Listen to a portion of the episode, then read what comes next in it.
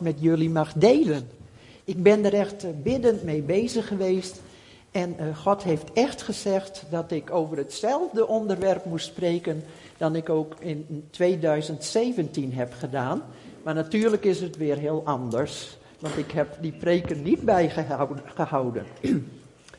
Graag wil ik eerst bidden. Lieve Vader in de hemel, dank u wel dat wij uw geliefde kinderen zijn. Dank u wel, Heer Jezus, dat u naar deze aarde bent gekomen om ons te redden. Dank u wel dat we vergeving van zonden mochten ontvangen en eeuwig leven. Dank u wel dat we ook uit mogen zien naar uw komst. Dank u, lieve Heilige Geest, dat u hier bent. Vul onze harten, open onze geestelijke ogen en oren. Zalf mij ook met uw Heilige Geest, want zonder u kan ik niets doen. Ik wil volkomen afhankelijk zijn van u. Mogen de woorden die ik spreek woorden zijn van u. In Jezus' naam. Amen. Waar hoop jij op? Waar hoopt u op? Ik hoor niks. Ik hoop dat jullie allemaal uh, vertrouwen en hopen op een goed en gelukkig en gezond leven. Dat denk ik, hè? Ja, dat doen we eigenlijk allemaal. Maar hopen jullie ook op de terugkomst van de Heer Jezus? Ja, gelukkig. Jezus roept ons op om waakzaam te zijn. En vol verwachting uit te zien naar zijn komst. En we mogen in de tussentijd samen bouwen aan een onwankelbaar geloof. En we mogen vertrouwen op Gods beloften. We mogen ook leren vertrouwen, ook als de tijden misschien moeilijker worden. Ik heb Hans gevraagd om het eerste Bijbelgedeelte voor te lezen. Matthäus 24, vers 3 tot 14. En daarna nog vers 29 en 30. Mag het ook op de sheet?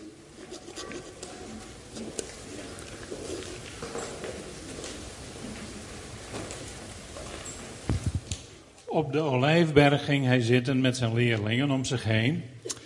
En nu ze onder elkaar waren, vroegen ze: Vertel ons, wanneer zal dat allemaal gebeuren?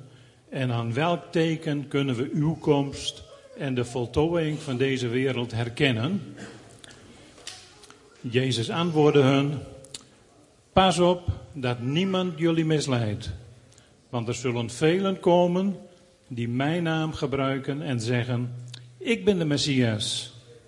En ze zullen veel mensen misleiden. Jullie zullen berichten horen over oorlogen en oorlogsdreiging. Laat dat je dan niet verontrusten. Die dingen moeten namelijk gebeuren. Al is daarmee het einde nog niet gekomen. Het ene volk zal tegen het andere ten strijde trekken en het ene koninkrijk tegen het andere. En overal zullen er hongersnoden uitbreken en zal de aarde beven. Dat alles is het begin van de weeën. Dan zal men jullie onderdrukken en doden, en jullie zullen door alle volken worden gehaat omwille van mijn naam. Velen zullen dan ten val komen. Ze zullen elkaar verraden en elkaar haten. Er zullen talrijke valse profeten komen, die velen zullen misleiden. En doordat de wetteloosheid toeneemt, zal bij velen de liefde bekoelen. Maar wie standhoudt tot het einde, zal worden gered. Pas als het goede nieuws over het koninkrijk in de hele wereld wordt verkondigd, als getuigenis voor alle volken, zal het einde komen. Amen. Dan nog vers 29 en 30. Met een na de verschrikkingen van die dagen zal de zon verduisterd worden en de maan geen licht meer geven. De sterren zullen uit de hemel vallen en de hemelse machten zullen wankelen. Dan zal aan de hemel het teken zichtbaar worden dat de komst van de mensenzoon aankondigt. En alle stammen op aarde zullen zich van ontzetting op de borst slaan als ze de mensenzoon zien komen op de wolken van de hemel, bekleed met macht en grote luister. Amen. Amen. Daar hebben we ook over gezongen, dat de Heer Jezus terugkomt. Maar voordat Hij terugkomt, zullen er nog allemaal dingen op aarde gebeuren. Lees thuis dit hele hoofdstuk nog maar eens door. En lees ook Lucas 21 door. Het gaat echt over de laatste dagen. De Heer Jezus die spreekt over afval van de waarheid, misleiding, etnische conflicten, oorlogen, epidemieën, hongersnoden. En aardbevingen. Vervolging, valse christenen, Christussen en valse profeten, wetsverachting en liefdeloosheid. Ook zegt hij dat het evangelie van het koninkrijk over de hele aarde aan alle volken gebracht moet zijn. En dat is bijna gebeurd in onze dagen. Dus we staan vlak voor de komst van Jezus. Hij is alleen nog niet teruggekomen, omdat God wil dat alle mensen gered worden. Daarom gaan Edward en zijn team ook elke keer Zutphen in, om te vertellen over de liefde van Jezus. En de profeet Joël, die zegt ook in hoofdstuk 3, dat God eigenlijk heel graag nog een opwekking wil geven. Want er staat dat God zijn geest wil uitstorten op alle mensen voordat de dag des Heren komt. En de dag des Heren, dat is de dag van Gods oordeel. En daarom geloof ik ook dat het nu de tijd is om te bidden voor Europa, om te bidden voor Nederland en uit te reiken naar je onbekeerde vrienden en buren. Want God heeft jou en mij nodig om te vertellen over Hem. De buren weten het niet als jij niks zegt.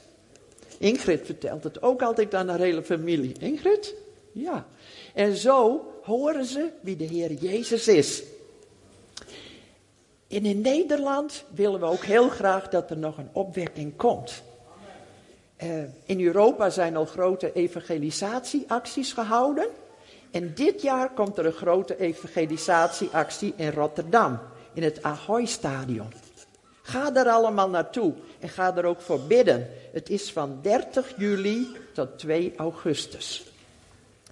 Awakening Europe heeft dat georganiseerd. Dus je kunt er ook over lezen op jullie internet.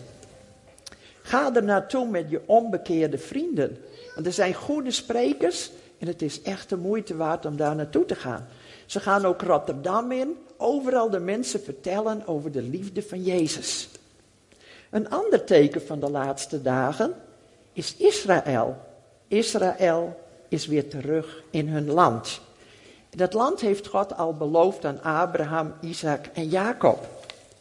En uh, het is een wonder dat God na de Tweede Wereldoorlog, na die holocaust, na die vreselijke vervolging, het uh, volk weer teruggebracht heeft in het land Israël. Daar zijn we ook heel erg blij mee. En de staat Israël werd opgericht op 15 mei 1948. De profetieën van Ezekiel 36 en 37 komen allemaal uit. Ezekiel, die leefde 2500 jaar geleden. Moet je voorstellen, toen heeft God hem al laten zien wat er in de eindtijd gaat gebeuren. En ook Daniel heeft dat gezien. God zal zijn volk ook in de toekomst een geestelijk herstel geven. Ze zullen zien dat Yeshua, Jezus, hun Messias is, hun koning. Alles wat God gezegd heeft door zijn profeten en door zijn zoon zal gebeuren. Maar voordat Jezus terugkomt, komt er nog een moeilijke tijd op aarde. Grote natuurrampen, epidemieën, aardbevingen, oorlogen. Jezus noemt dat de grote verdrukking. We zien in onze tijd al dat er overal op de wereld aardbevingen zijn. Enorme branden in Australië. De uitbraak van de varkenspest, de vogelgriep en natuurlijk het coronavirus. Maar ook enorme sprinkhanenplagen Net zoals in de tijd van Mozes en het volk Egypte, uh, in Israël in Egypte. Die sprinkhanenplagen die waren in Noord- en Oost-Afrika, maar nu ook al in Pakistan. En ze verwoesten hele oogsten.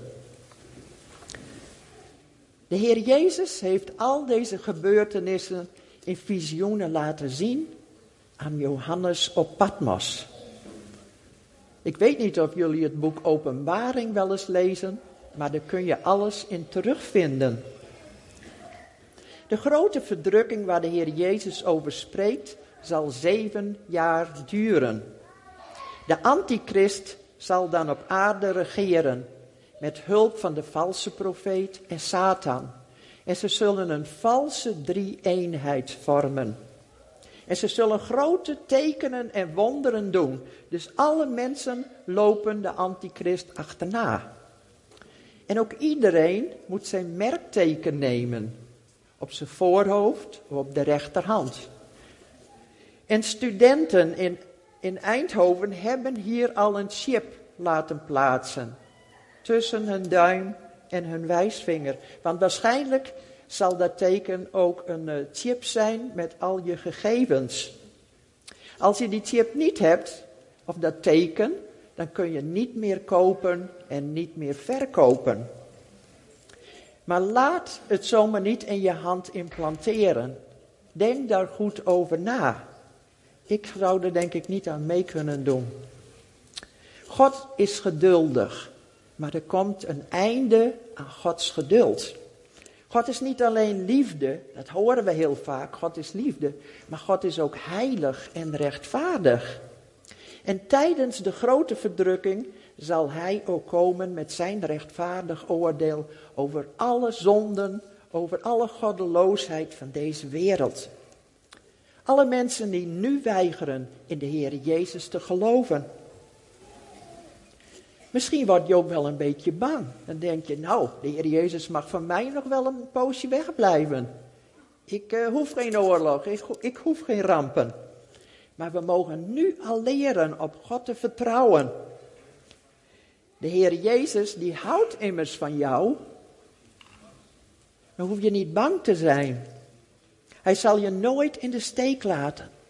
En de Heilige Geest is een geest van liefde en van kracht en van bezonnenheid, van moed. De Heilige Geest is ook het onderpand van onze verlossing. Omdat Hij in ons woont, mogen wij ook weten dat we straks naar de hemel gaan. Wij hoeven niet bang te zijn voor het komende oordeel van God. De Heer Jezus heeft immers al, al onze, de straf gedragen voor al onze zonden en tekortkomingen. God hoeft ons niet meer te straffen als we het eigendom zijn van de Heer Jezus. Daarom zei de Heer Jezus ook, als deze dingen beginnen te gebeuren, wees niet bang, zie op naar mij voor redding en bescherming. En in 1 Thessalonicense 5 vers 9 staat, want Gods bedoeling met ons is niet dat wij veroordeeld worden, maar dat we gered worden door onze Heer Jezus Christus. Is dat niet prachtig?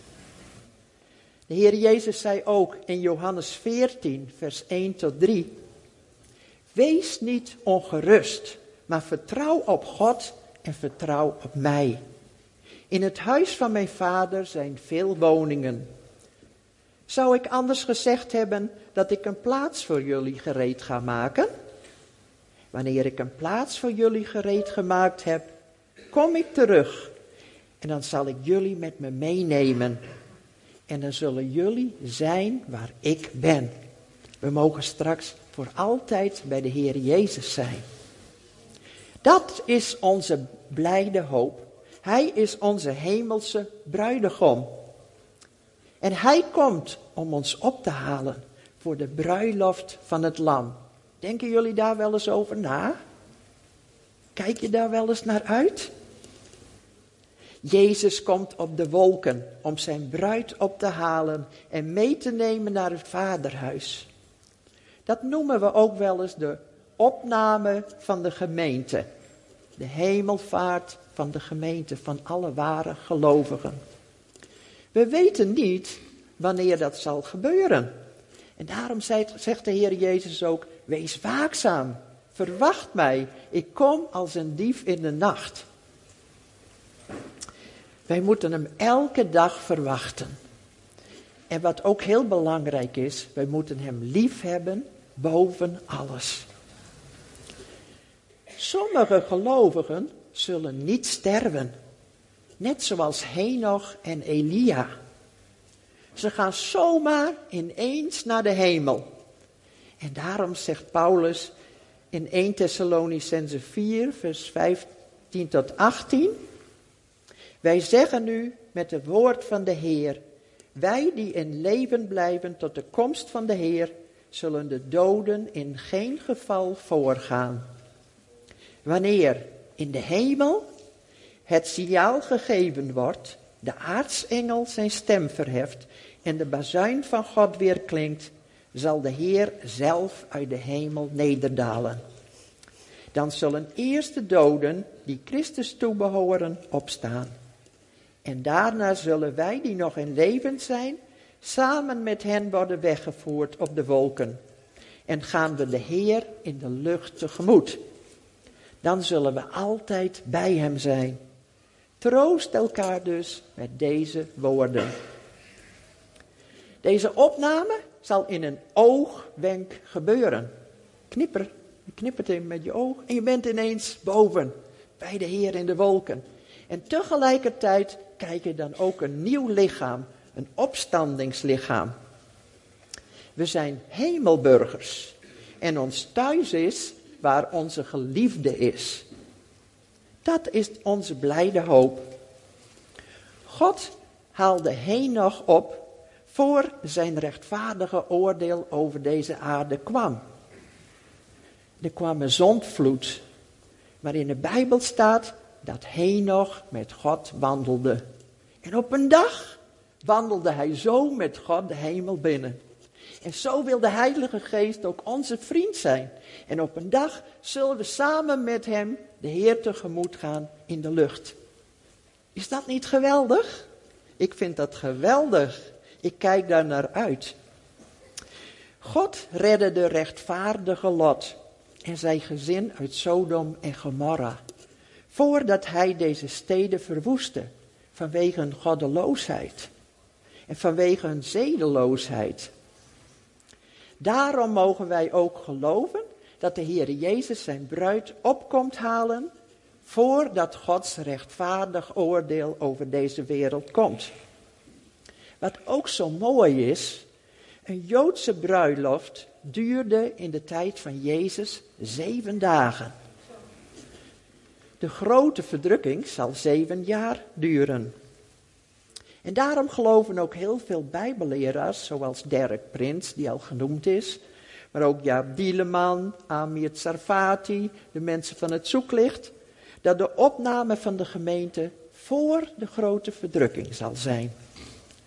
De bruid zal dan namelijk zeven jaar, net zoals die zeven dagen, met haar geliefde in de bruidssuite in het vaderhuis zijn. Vind ik een prachtig beeld. Die, uh, dat Hebreeuwse denken, dat is veel rijker dan het Griekse denken. Als afsluiting van de bruiloft komt de bruidegom met zijn bruid uit de bruidssuite. En dan gaan ze samen met alle gasten het bruiloftsmaal vieren. Je kunt daarover lezen in Openbaring 19. Maar dat wil niet zeggen dat wij hier in Nederland geen moeilijke tijden tegemoet gaan. Ook wij moeten bereid zijn om te willen lijden voor, het, ja, voor de Heer Jezus, voor ons geloof. De christenvervolging neemt wereldwijd enorm toe. Het is nog nooit zo erg geweest als vandaag. Eén op de acht christenen wordt al hevig vervolgd. Dat komt dichtbij, hè? Eén op de acht. En kijk ook maar eens naar onze lieve vrienden hier in de kerk. Zij moesten ook vluchten vanwege hun geloof in de Heer Jezus. 260 miljoen christenen lijden vanwege hun geloof in de Heer Jezus. 260 miljoen. Open Doors heeft een gebedskalender. En ik hoop dat jullie ook allemaal die gebedskalender nemen. Zodat jullie elke dag kunnen bidden voor onze broers en zussen die het moeilijk hebben. De Heer Jezus zei tegen zijn kerk, tegen de gemeenten van Openbaring 2 en 3, hou vol door de kracht van de Heilige Geest. Want wie volhardt, wie stand houdt tot het einde, die zal gered worden. De Heilige Geest is de grote tegenhouder van de antichrist. We kunnen dat lezen in 2 Thessalonicensen 2, vers 6 en 7. Als de Heilige Geest samen met de gelovigen van de aarde vertrekt, dan kan de antichrist zijn gang gaan. Dan kan hij doen wat hij wil. De antichrist haat Israël. En de Satan haat Israël. En ook de christenen. We zien in onze tijd dat uh, Israël hoe langer hoe meer alleen komt te staan. Vanwege de misleiding van Satan. Jullie moeten maar eens uitzoeken wie die Palestijnen zijn. Het zijn gewoon Arabieren. Het zijn helemaal geen vluchtelingen. Maar het wordt allemaal zo gepresenteerd dat wij dat gaan geloven. De Satan wil Gods uitverkoren volk vernietigen. Hij wil niet dat Jezus terugkomt op de olijfberg. Hij wil niet dat Jezus koning wordt over Israël en de wereld. De spanningen in het Midden-Oosten nemen toe. Ik weet niet of je dat weet, maar ik volg dat elke dag. De profeet Jezaja zei dat Damascus ook nog een keer helemaal verwoest zal worden. Kun je vinden in Jesaja 17 vers 1. In Damascus ligt namelijk een grote voorraad chemische wapens. Alles wat geschreven is in Ezekiel 37 tot en met 39, het zal gebeuren. Want God doet wat hij zegt. Ezekiel beschrijft in hoofdstuk 38 nog een grote oorlog tegen Israël. Iran, Turkije en Rusland, met behulp van Sudan. Dat zijn de moderne namen van de volken die daar beschreven staan, zullen optrekken naar Israël. Deze landen haten Israël. Maar ze zijn ook uit op de wapens en de olie en de gas en alle moderne technologie van Israël. Vooral Rusland loert daarop. Maar God zal hen straffen. Als deze oorlog uitbreekt, zal dat echt een hele erge oorlog zijn. Want Israël laat zich natuurlijk niet zomaar verslaan. Na deze oorlog zal er een politiek leider opkomen. En dat is dan de antichrist. Hij zal wereldwijde oplossingen aanbieden. En hij zal vrede beloven, ook aan Israël. Maar na drieënhalf jaar zal hij zijn ware aard laten, laten zien. Dan wil hij door iedereen aanbeden en gehoorzaamd worden. Gelukkig zijn er in die grote verdrukking, in die moeilijke tijd, ook nog mensen die de antichrist niet willen aanbidden en die zijn merkteken niet willen nemen. Zij hebben ingezien dat de Bijbel toch waar is. En ze kiezen ervoor Jezus te volgen, wat het ook kost. Koning Jezus zal aan het einde van de grote verdrukking terugkomen met zijn legers en met zijn heiligen, staat er in de Bijbel. Hans heeft het voorgelezen vanmorgen. Met grote macht en majesteit. Zijn voeten zullen dan staan op de olijfberg. Dat staat in Zacharia 14. Nu zal iedereen hem zien. Die opname, dat ging heel snel. Dus dat kon eigenlijk niemand zien. Ze konden alleen maar de mensen missen. Maar nu kan iedereen Jezus zien komen. En hij zal alle vijanden van Israël verslaan. In een grote veldslag bij Armageddon in het noorden van Israël. En dan komt er een heerlijke tijd. Want Jezus zal duizend jaar regeren op aarde vanuit Jeruzalem, de stad van God. Dan zal er eindelijk vrede en gerechtigheid op aarde zijn. En wij mogen ook uitzien naar de nieuwe hemel en de nieuwe aarde. En het nieuwe Jeruzalem, dat zal neerdalen vanuit de hemel. God zal wonen bij de mensen. Alles zal nieuw worden. Alles wat is geweest zal voorbij gaan. Er zal geen rouw meer zijn, geen dood en geen verdriet.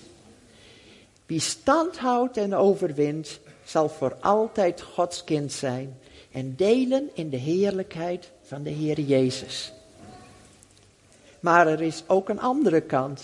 Satan en alle slechte mensen zullen worden gestraft. Lees thuis maar eens openbaring 19 tot 22 door. Kun je alles zelf ook zien wat God gezegd heeft. Het profetisch woord laat ons zien wat Gods plannen zijn. En hoe wij stand kunnen houden door de kracht van de Heilige Geest. Vertrouwend op Gods beloften. En ook wetend dat we een heerlijke toekomst tegemoet gaan. In 2 Korinthe 11 vers 2 zegt Paulus, ik waak over u, zoals God over u waakt. Ik heb u aan één man uitgehuwelijkt, aan Christus. En ik wil u als een reine bruid aan hem geven. Is dat niet prachtig? We mogen een reine bruid zijn. Zolang de Heer Jezus nog niet teruggekomen is, mogen we Zijn liefde elke dag ontvangen. De Heilige Geest wil Gods liefde elke dag in ons hart uitstorten.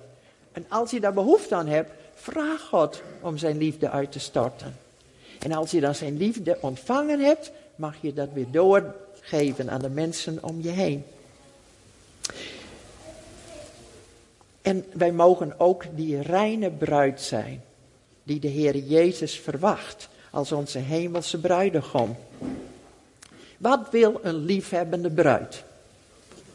Nou, een liefhebbende bruid, die wil graag heel dicht bij haar geliefde zijn. Of niet? Ja, hè? En ze wil hem elke dag vertellen dat ze van hem houdt. En ze vindt het fantastisch dat hij ook tegen haar zegt: Ik hou van jou. En zo mogen wij ook naar de Heer Jezus opzien. En zo'n bruid die wil zich natuurlijk zo mooi mogelijk maken voor de bruiloft. Je koopt een prachtige witte jurk, maar misschien ook wel een rode, wat je maar mooi vindt. En zo moet het ook met jou en mij zijn. We mogen vol verlangen uitzien naar de komst van Jezus. De Heer Jezus die leert ons nog een belangrijke les in Matthäus 25. Hij vertelt daar over tien meisjes. Tien meisjes gaan op weg, de bruidegom tegemoet. En ze hebben allemaal een prachtig brandend olielampje.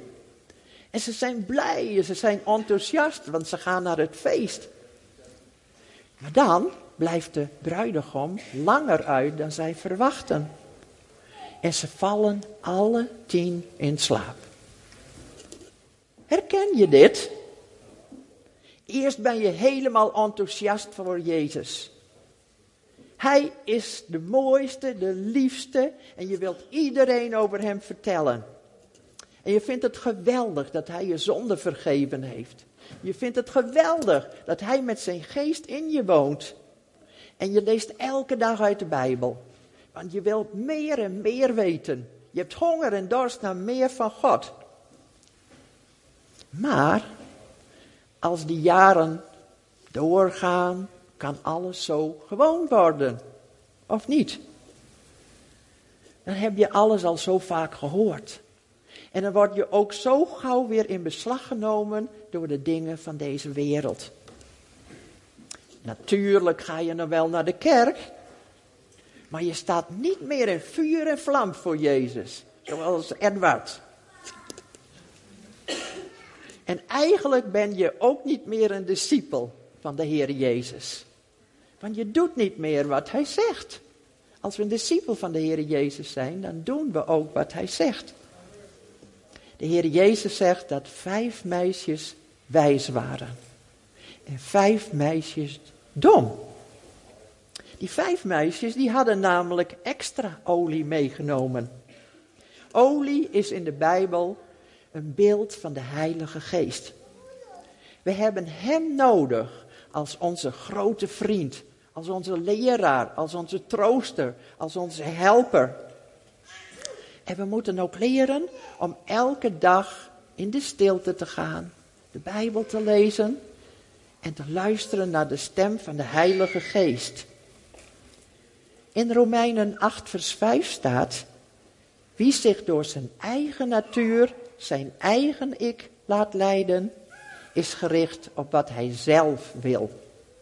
Maar wie zich laat leiden door de geest, is gericht op wat de geest wil. De Heer Jezus die wil beseffen dat we het niet redden zonder de kracht en zonder de zalving van de Heilige Geest.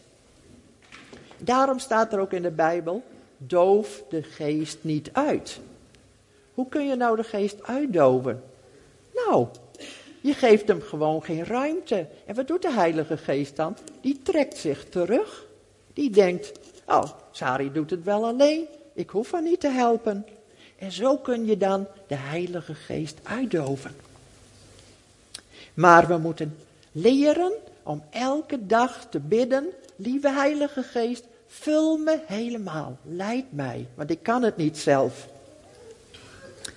En wat is ook heel belangrijk, we moeten een liefdevolle hartsrelatie hebben met de Heer Jezus. Want anders komen we straks, willen we ook op weg gaan naar die bruiloft. Maar dan kan de bruidegom zeggen, ik ken jou niet. Nou, eigenlijk staat daar, ik ken jou niet intiem. Ik heb geen echte, diepe hartsrelatie met jou. En daarom kun je die bruiloftzaal niet in.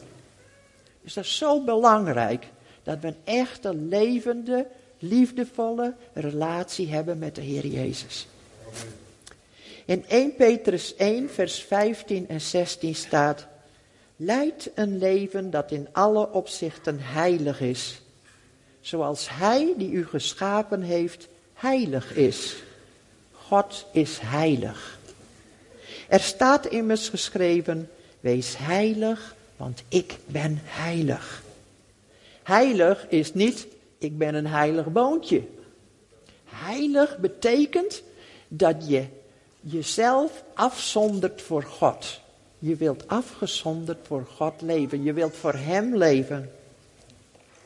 En daarom is het ook zo belangrijk om te zien, leef ik nu echt voor God? Of misschien ben ik ook wel een beetje afgedwaald. Als er dingen zijn in onze relatie met de Heer die ons tegenhouden, dan moeten we daarmee kappen. Als we geen tijd hebben voor onze relatie met de Heer, maar wel de hele dag met ons mobieltje in de hand zitten, dan moeten we ons afvragen, zou Jezus daar nou blij mee zijn? Want dan is het misschien s'avonds laat en dan heb je nog geen tijd gehad voor stille tijd. Ik denk dat de Heer Jezus zegt, lieve mensen, bekeer je als je lauw bent geworden. Als je andere dingen belangrijker vindt dan ik.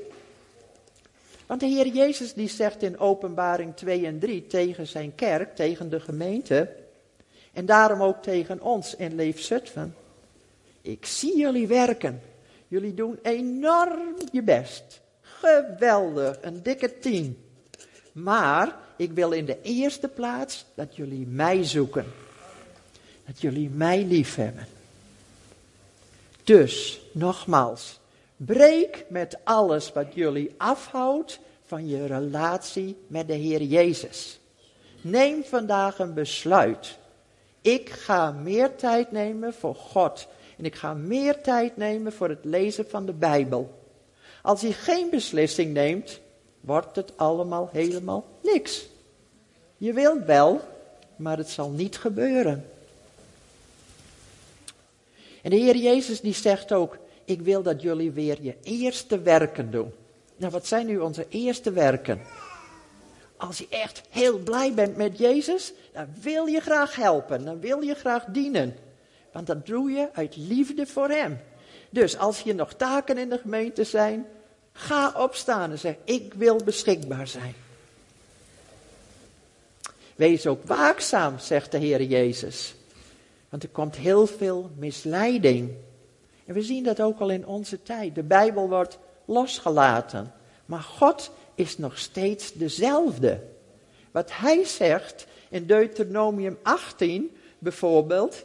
Ik haat alle afgoderij. Ik haat onreinheid. Ik haat occultisme, zoals hekserij, toverij, waarzeggerij en spiritisme. Dat geldt ook nog vandaag. God is niet veranderd. Als je daarmee ingelaten hebt, kom voor gebed en word daar vrij van. Want het is heel belangrijk dat je vrij wordt van die banden waaraan je vastzit. In 1 Thessalonicense 5 vers 23 staat, Mogen de God van de vrede zelf uw leven in alle opzichten heiligen. En mogen geheel uw geest, ziel en lichaam zuiver bewaard zijn voor de komst van de Heer Jezus Christus. En daarom vraagt de Heer Jezus vandaag aan jou en mij: Wil jij mijn reine bruid zijn? Rein? Wil je breken met alle zonden? Wil jij je laten leiden door mijn Heilige Geest? En wil je mij ook gehoorzamen? Want we kunnen elke week wel naar de kerk gaan en we kunnen de preek horen. Maar als we niet doen wat de Heer zegt, dan zullen we nooit veranderen. Besef je ook wel dat jouw lichaam een tempel is van de Heilige Geest? Jouw lichaam is niet van jezelf, het is van de Heer Jezus. En besef je ook dat het Gods verlangen is dat we hoe langer hoe meer op de Heer Jezus gaan lijken. Dat is het doel voor ons leven, dat we hoe langer hoe meer op Jezus gaan lijken. En dat we gaan doen wat Hij deed. Dat we andere mensen gaan redden. Dat we andere mensen vertellen over Jezus. Dat we anderen met hen bidden dat ze vrij worden.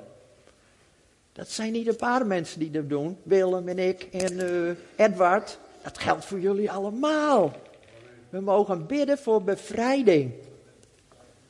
En God wil ook door jou en mij anderen genezen. En daarom zegt de Heer Jezus: Kom, mijn liefste, keer met je hele hart terug naar mij. Laat je vullen met mijn Heilige Geest. Ik hou van jou. Luister toch alsjeblieft elke dag naar mij en mijn woord. Weet je, ik heb je al hele mooie sieraden gegeven, mijn lieve bruid. De gaven van de Heilige Geest. Ga daarmee aan het werk. Ga meebewegen met de Heilige Geest. Luister naar zijn stem. Ik wil je gebruiken. Kom, mijn liefste. Ik hou van jou. Ik verlang naar jou met mijn hele hart. Maar ik verlang ook naar jouw hele hart. Ik verlang naar jouw toewijding. Ik ben bij jou elke dag met mijn Heilige Geest. Je bent nooit alleen. Je hoeft het niet alleen te doen. Ik zal je alles geven wat je nodig hebt om tot eer van God te kunnen leven. Door te leven voor mij, door mij en met mij. Word jij die stralende, overwinnende bruid. En dan zul je hoe langer hoe meer op mij gaan lijken. Wees niet bang. Vertrouw op mij. En zie vol verlangen uit naar mijn komst, zoals ik vol verlangen uitzie om straks voor altijd bij jou te zijn. Ik kom spoedig. Amen.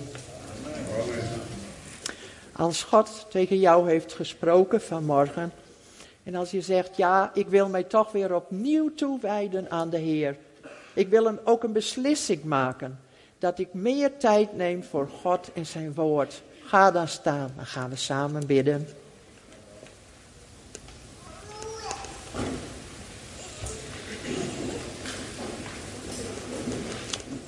En als hier misschien iemand is die zich nog niet aan de Heer Jezus heeft gegeven, kom dan ook straks naar voren. Want de Heer Jezus houdt van jou. Kom dan, dan gaan we met je bidden en dan word je ook een kind van God. Dank u wel, lieve Heer Jezus, voor uw grote liefde. Dank u wel dat u naar deze wereld bent gekomen om ons te redden. U wilde sterven voor onze zonden, voor al onze tekortkomingen, voor alles wat we verkeerd hebben gedaan. Wat een wonder, wat een liefde, Heer Jezus. Dank u wel daarvoor. We willen ook tegen u zeggen dat we van u houden. Maar we willen ook zeggen, lieve Heer Jezus, vergeef het ons. Dat we soms zo bezig worden gehouden door de dingen van deze wereld. Dat we zo weinig tijd hebben voor u. Voor zitten aan uw voeten, net zoals Maria dat deed. Om te luisteren naar uw stem, Heer. Vergeef het ons. U bent de liefste persoon in het hele heelal.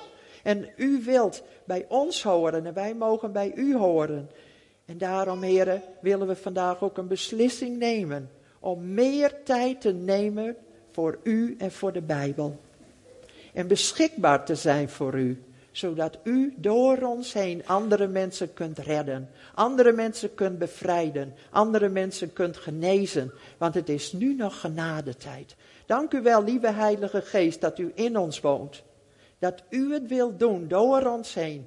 We willen u opnieuw de ruimte geven om ons helemaal te vullen en om ons te leiden op de weg van Jezus. Dank u wel dat we vol verlangen uit mogen zien naar uw komst, Heer.